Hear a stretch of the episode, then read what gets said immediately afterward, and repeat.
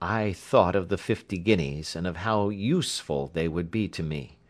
"Not at all," said I. "I shall be very happy to accommodate myself to your wishes. I should like, however, to understand a little more clearly what it is that you wish me to do." "Quite so. It is very natural that the pledge of secrecy which we have exacted from you should have aroused your curiosity.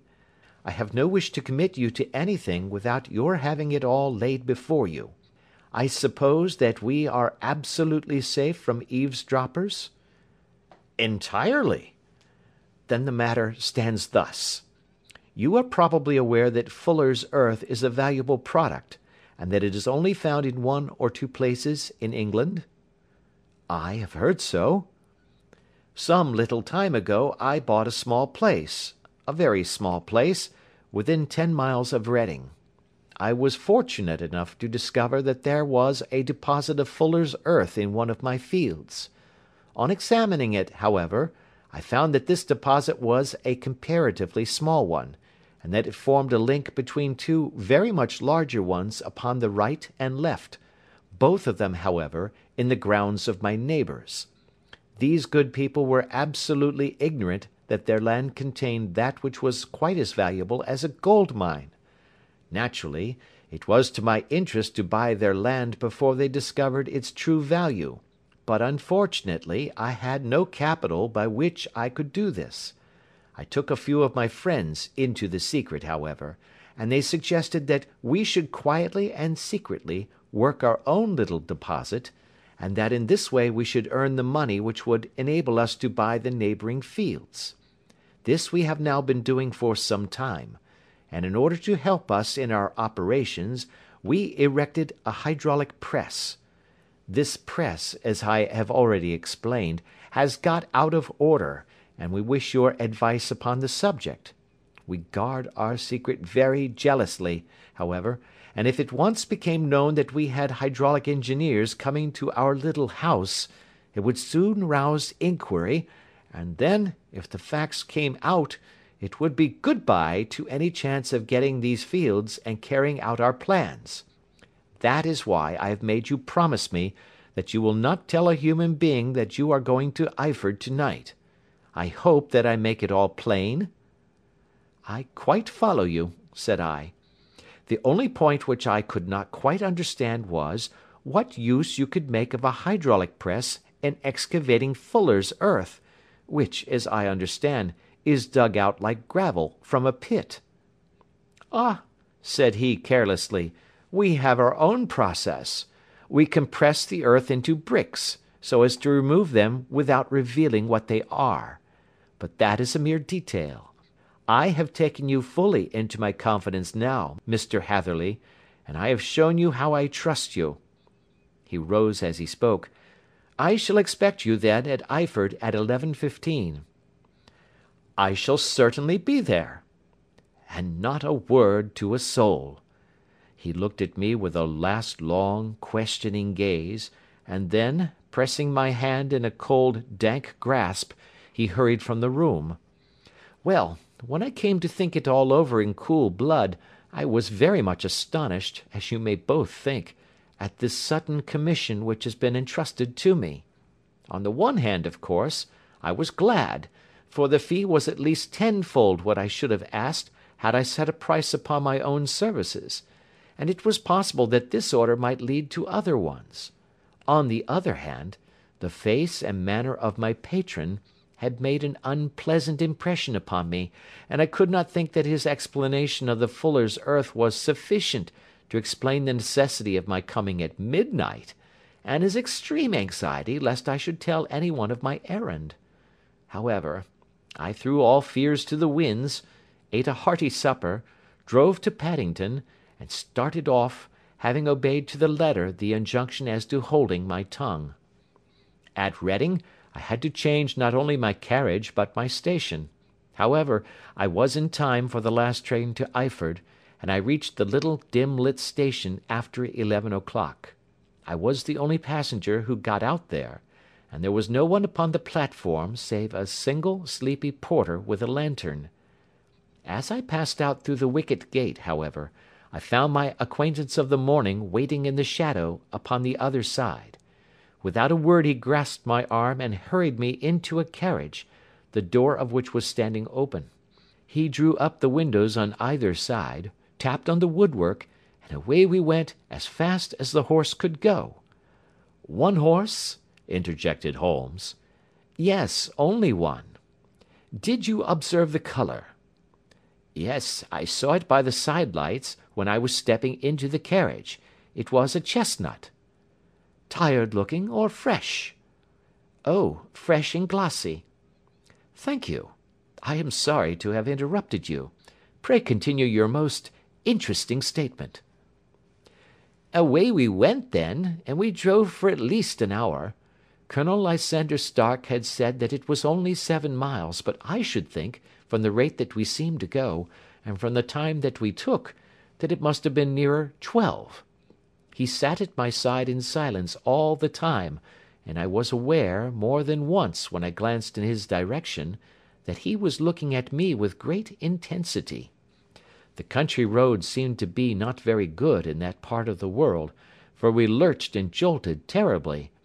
I tried to look out of the windows to see something of where we were, but they were made of frosted glass, and I could make out nothing save the occasional bright blur of a passing light.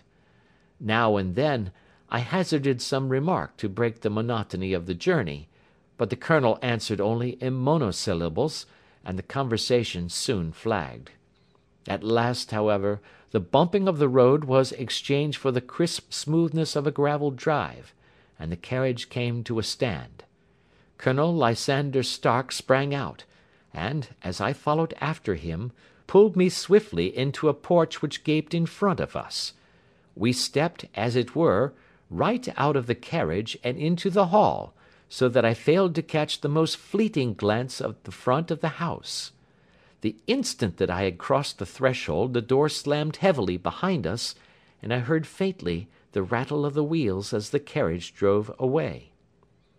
It was pitch dark inside the house, and the Colonel fumbled about looking for matches and muttering under his breath. Suddenly a door opened at the other end of the passage, and a long, golden bar of light shot out in our direction. It grew broader, and a woman appeared with a lamp in her hand, which she held above her head, pushing her face forward and peering at us. I could see that she was pretty, and from the gloss with which the light shone upon her dark dress I knew that it was a rich material. She spoke a few words in a foreign tongue in a tone as though asking a question and when my companion answered in a gruff monosyllable, she gave such a start that the lamp nearly fell from her hand. Colonel Stark went up to her, whispered something in her ear, and then, pushing her back into the room from whence she had come, he walked towards me again with the lamp in his hand. "Perhaps you will have the kindness to wait in this room for a few minutes," said he, throwing open another door.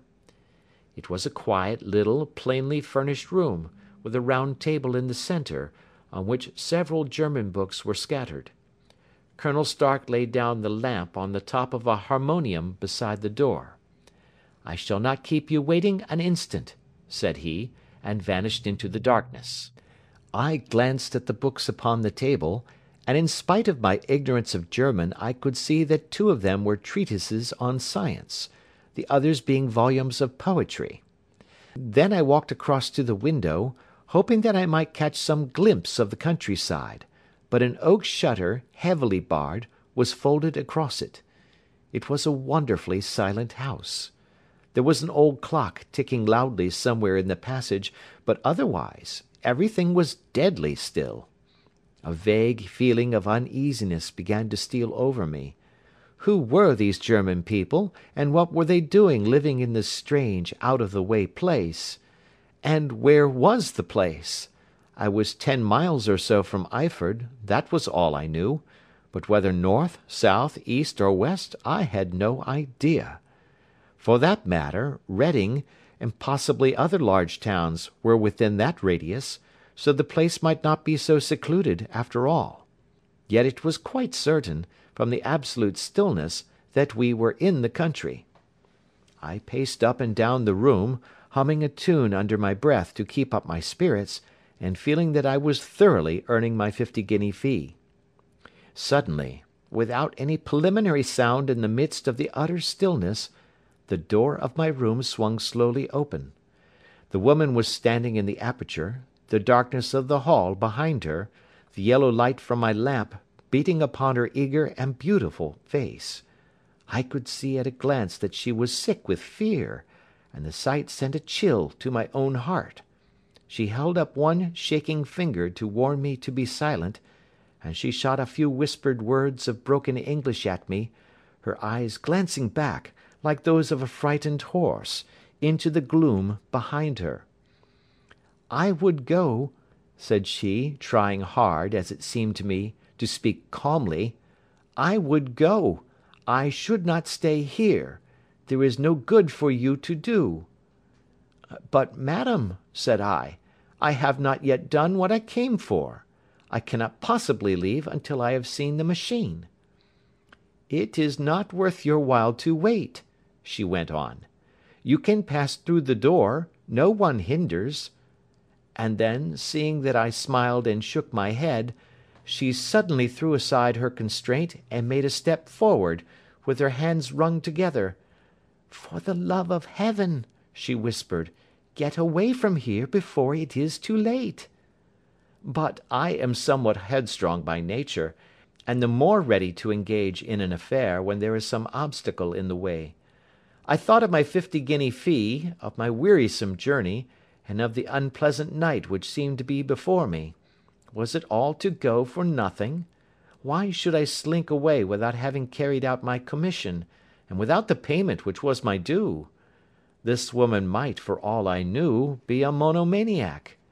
With a stout bearing, therefore, though her manner had shaken me more than I cared to confess, I still shook my head, and declared my intention of remaining where I was.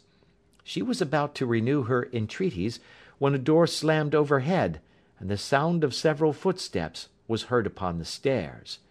She listened for an instant, threw up her hands with a despairing gesture, and vanished as suddenly and as noiselessly as she had come. The newcomers were Colonel Lysander Stark, and a short, thick man with a chinchilla beard growing out of the creases of his double chin, who was introduced to me as Mr. Ferguson. This is my secretary and manager, said the Colonel. By the way, I was under the impression that I left this door shut just now. I fear that you have felt the draught. On the contrary, said I. I opened the door myself because I felt the room to be a little close. He shot one of his suspicious looks at me. Perhaps we had better proceed to business then, said he. Mr. Ferguson and I will take you up to see the machine. I had better put my hat on, I suppose. Oh, no, it is in the house. What? You dig fuller's earth in the house? No, no, this is only where we compress it. But never mind that. All we wish you to do is to examine the machine, and to let us know what is wrong with it. We went upstairs together, the Colonel first with the lamp, the fat manager and I behind him. It was a labyrinth of an old house, with corridors, passages, narrow winding staircases, and little low doors, the thresholds of which were hollowed out by the generations who had crossed them. There were no carpets, and no signs of any furniture above the ground floor, while the plaster was peeling off the walls, and the damp was breaking through in green, unhealthy blotches. I tried to put on as unconcerned an air as possible, but I had not forgotten the warnings of the lady, even though I disregarded them, and I kept a keen eye upon my two companions. Ferguson appeared to be a morose and silent man, but I could see from the little that he said that he was at least a fellow countryman. Colonel Lysander Stark stopped at last before a low door, which he unlocked. Within was a small square room, in which the three of us could hardly get at one time. Ferguson remained outside, and the Colonel ushered me in. We are now, said he, actually within the hydraulic press, and it would be a particularly unpleasant thing for us if anyone were to turn it on. The ceiling of this small chamber is really the end of the descending piston, and it comes down with the force of many tons upon this metal floor. There are small lateral columns of water outside which receive the force, and which transmit and multiply it in the manner which is familiar to you. The machine goes readily enough, but there is some stiffness in the working of it, and it has lost a little of its force. Perhaps you will have the goodness to look it over, and to show us how we can set it right." I took the lamp from him, and I examined the machine very thoroughly. It was, indeed, a gigantic one, and capable of exercising enormous pressure. When I passed outside, however, and pressed down the levers which controlled it, I knew at once by the whishing sound that there was a slight leakage, which allowed a regurgitation of water through one of the side cylinders. An examination showed that one of the india rubber bands which was round the head of a driving rod had shrunk so as to not quite fill the socket along which it worked. This was clearly the cause of the loss of power, and I pointed it out to my companions, who followed my remarks very carefully and asked several practical questions as to how they should proceed to set it right. When I had made it clear to them, I returned to the main chamber of the machine, and took a good look at it to satisfy my own curiosity.